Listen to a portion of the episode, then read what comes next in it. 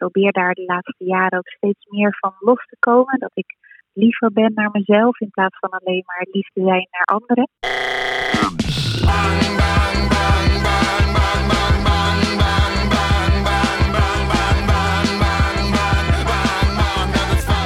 Welkom bij aflevering 6. Aan de telefoon heb ik Joan. Ze werkt als trainer bij Westcourt Hotels en leert medewerkers daar hoe ze gastvriendelijk kunnen zijn.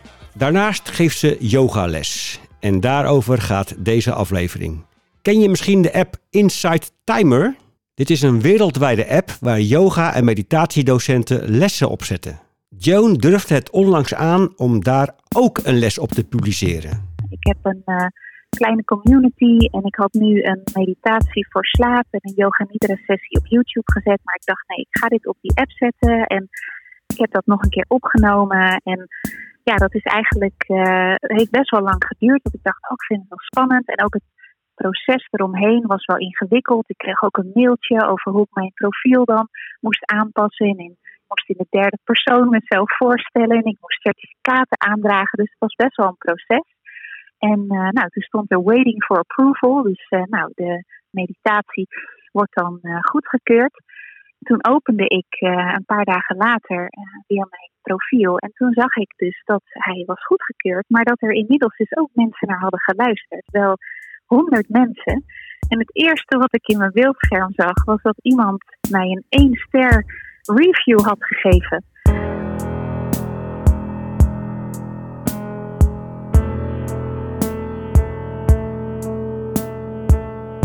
Ja, dat was een dame uit uh, Roermond en die gaf aan uh, dat ze mijn, ja, mijn slaapmeditatie, waar eigenlijk de mensen ontspannend van in slaap moeten vallen, helemaal niet zo ontspannend vond.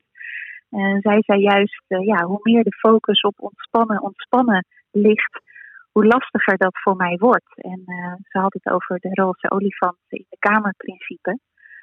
Ja, je kan je voorstellen, ja, ik baalde daar ontzettend van dat ik dacht, wauw, dit heeft me weken tijd gekost en ik heb nu eindelijk mezelf op dit platform gezet. En uh, het eerste wat ik zie is een één ster review uh, van iemand die dus niet heeft kunnen ontspannen bij mijn meditatie. De review sloeg in als een bom.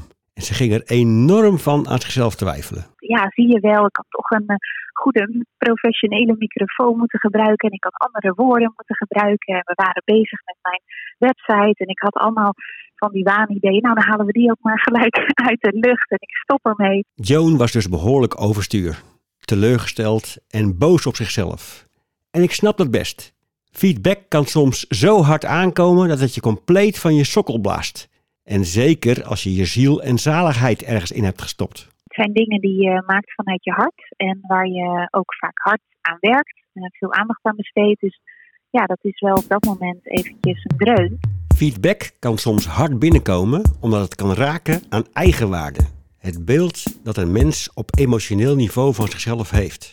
Dan lijkt het alsof de feedback zegt dat jij mislukt bent.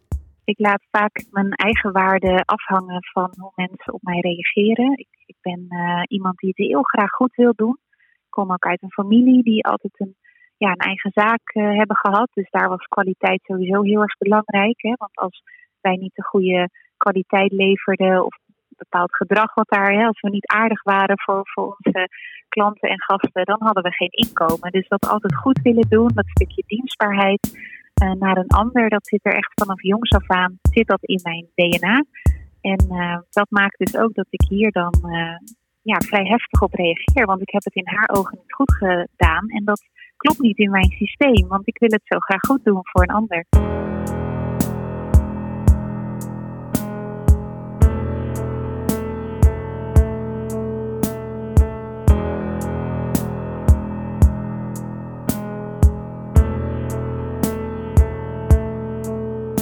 Joan koppelt haar gevoel van voldoende eigenwaarde onder andere dus aan dienstbaar moeten zijn.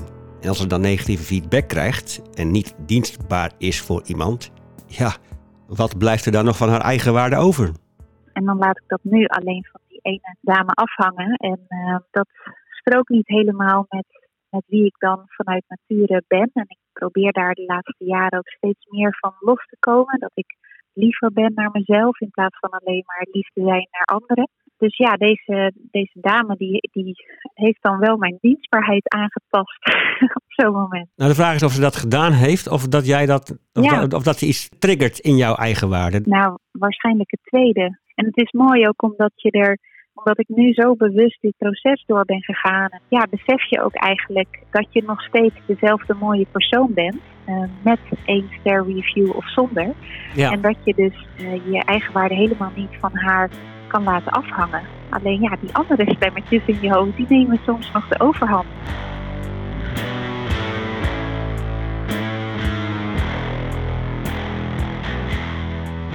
Die stemmetjes in je hoofd, die nemen de overhand en halen je eigen waarde naar beneden. Je kunt jezelf trainen om hier anders mee om te gaan. Feedback krijgen en nog steeds voldoende eigenwaarde houden. Een manier om dat te doen is zelfvriendelijkheid. En dat heet ook wel compassievol zijn voor jezelf. Een open en vriendelijke houding naar de medemens die je zelf bent. Met de feedback die Joan heeft gekregen mag ze natuurlijk zichzelf best wel willen verbeteren. Maar vanuit zelfcompassie doet ze dat omdat ze om zichzelf geeft. En niet omdat ze zichzelf een mislukking voelt. Zelfcompassie is steun voor jezelf, zodat je verder kunt komen in plaats van terugblikken met zelfverwijt. Door zo met jezelf om te gaan, bouw je interne stabiliteit op. ik kan mezelf daarin ook ja, ehm, leren, of in ieder geval proberen om mijn eigen beste vriend op dat moment te zijn. En niet iemand anders mij rustig te laten maken, maar dat ik ook dat zelf kan doen. Een mooie oefening om meer zelfcompassie te krijgen is de faalfitnessoefening Probeer je eigen beste vriend te zijn. Je hoeft natuurlijk niet de hele dag tegen jezelf te roepen dat je geweldig bent. Dat doen goede vrienden ook niet bij je. Je kunt jezelf wel met dezelfde zorg, tolerantie en vriendelijkheid benaderen als waarmee je een dierbare vriend zou behandelen. Dit helpt enorm om je eigen waarde op peil te houden of te vergroten. Stap 1 van deze oefening is het bedenken hoe een goede vriend of vriendin reageert als jij ergens mee zit. Ik vroeg het ook aan Joan, want hoe reageerden haar vriendinnen op haar toen zij vertelde over die ene ster? De toon was eigenlijk heel vriendelijk, compassievol, eh, liefdevol naar mij. Zo, ze schrokken er denk ik allebei afzonderlijk eh, ook een beetje van. van eh, ja, want zij geloven allebei in mij en ze geloven, ze hebben zelf ook yogalessen bij mij gevolgd. Dus ze weten zeg maar wat, wat ik doe en hoe ik in het leven sta. Dus ze waren een beetje geschrokken van, oh jeetje, nou, die ene ster, jammer. En ze maakten eigenlijk gelijk allebei eh, de link naar, ja maar Joan, jij kent deze dame helemaal niet. Het is heel jammer. en Je hebt allerlei verschillende manieren om rustig in slaap te vallen. En toevallig is de meditatie die jij nu hebt opgenomen niet iets voor haar. Maar er zijn nog heel veel andere mensen die er naar luisteren die wel misschien heel rustig in slaap zijn gevallen. En ze herinnerden mij vooral daaraan dat ik op het goede pad was. En dat ik vooral mijn hart moet blijven volgen. En dat ik eh, me niet moet laten afleiden. Natuurlijk kan ik eh, uit respect eh, en, en om er iets van te leren, zo'n dame eh, vragen wat ik misschien de volgende keer beter kan doen. Maar zij hebben me echt bevestigd van, Jo, je bent nog steeds op het goede pad en laat je niet afleiden door, door deze één ster. Dus die vriendinnen reageerden heel compassievol op Joan. Stap 2 van deze oefening is de vraag: hoe reageer je op jezelf wanneer je het moeilijk hebt? Dus we gingen nog even terug naar Joans eigen reactie. Hoe anders was die reactie? Ja, natuurlijk compleet anders. Ja, ik, ik sprak mezelf aan eh, met dit had ik nooit online moeten zetten en eh, je bent verkeerd bezig. Ja, eigenlijk veel negatiever en eh, heel erg de dame die ik nog nooit heb gezien gelijk geven. De volgende stap in deze oefening is een perspectiefwissel. Bedenk hoe het eruit zou zien als jij op jezelf zou reageren, net zoals die vriendinnen dat op jou deden. Dat ik er nog steeds mag zijn en vriendelijk te zijn voor mezelf. Dat dit soort situaties, hè, hoe vaker ik dit soort meditaties online ga zetten of hoe meer ik yogalessen ga geven, hoe vaker je dit soort reacties kan krijgen. Als ik dan vriendelijk durf te blijven naar mezelf, ja, ik weet dat ik altijd veel aandacht besteed aan de voorbereiding, dus daar mag ik meer op vertrouwen. Dat dat oké is. Ik kan de uitkomst eh, niet voor iedereen gaan bepalen. Ik kan mezelf daarin ook leren, of in ieder geval proberen om mijn eigen beste vriend op dat moment te zijn.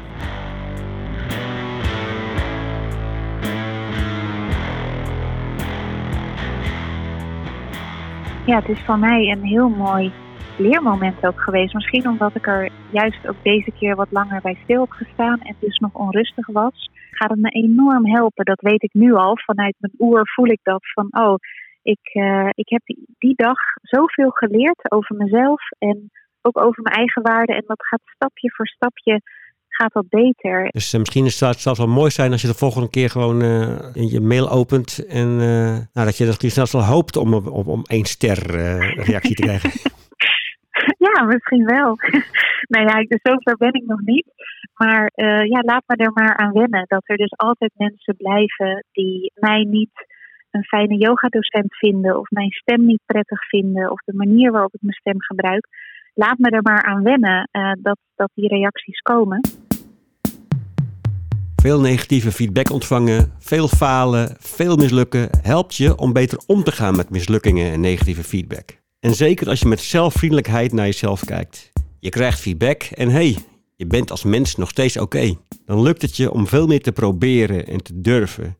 En ben je beter toegerust voor uitdagingen, tegenslag, negatieve feedback. Je zult er soepelere en stevige faalspieren van krijgen. Ja, mooi hoe je dat ook zegt met een spier. Hè? En dat is natuurlijk ook met meditatie zelf. Hè? Hoe vaker je het oefent, hoe, hoe beter je erin wordt. En dat is met dit denk ik ook mooi. En dan kan je denk ik ook, hoe vaker je het dan voor je ziet, veel makkelijker filteren voor jezelf. Van nou, dit neem ik wel serieus, hier ga ik aandacht aan besteden en dit niet. En ja. Uh, ja, daar word je sterker van. Ik vind die spieromschrijving vind ik mooi. En die heeft uh, ja, wel uh, uren nodig waar je niet kan trainen. Zeker. Dus uh, nou, dan, ik, ik, ik, wens je dan veel 1, 2 of 3 sterren de, de komende tijd. Nou ja, dankjewel dat iemand mij dat nog een keer zo toewenst. Hè? en ik uh, wil je onwijs bedanken voor je openhartigheid in dit, uh, in dit hele verhaal. Dat je het überhaupt durft te delen en ook daar uh, ja, met, met mij mooi op, op weten te reflecteren. Dus super dank, Joan. Dankjewel voor de uitnodiging. En heel erg leuk dat je dit ja, op deze manier in de wereld brengt. Want ik denk dat we hier met z'n allen veel vaker over mogen praten. De Faalkunde podcast wordt gemaakt door mij, Remco van der Drift. Samen met een aantal collega's van het Instituut voor Faalkunde, Frank Kupper, Saakje Bakker, Richard Roling, Maika Ment en Nienke Cinema. De muziek is van Mark Lotterman. Grote dank ook aan alle faalverhaaldelers, want zonder hen natuurlijk geen Faalkunde podcast. En durf jij het ook aan om hier een faalverhaal te delen? Geef je dan op door een mail te sturen naar info.instituutvoorfaalkunde.nl En als je blij bent met deze Faalkunde podcast, laat dan een review achter. Zo help je ons om gevonden te worden door nieuwe luisteraars en draag je bij aan een faalkundigere wereld met minder angst om te falen.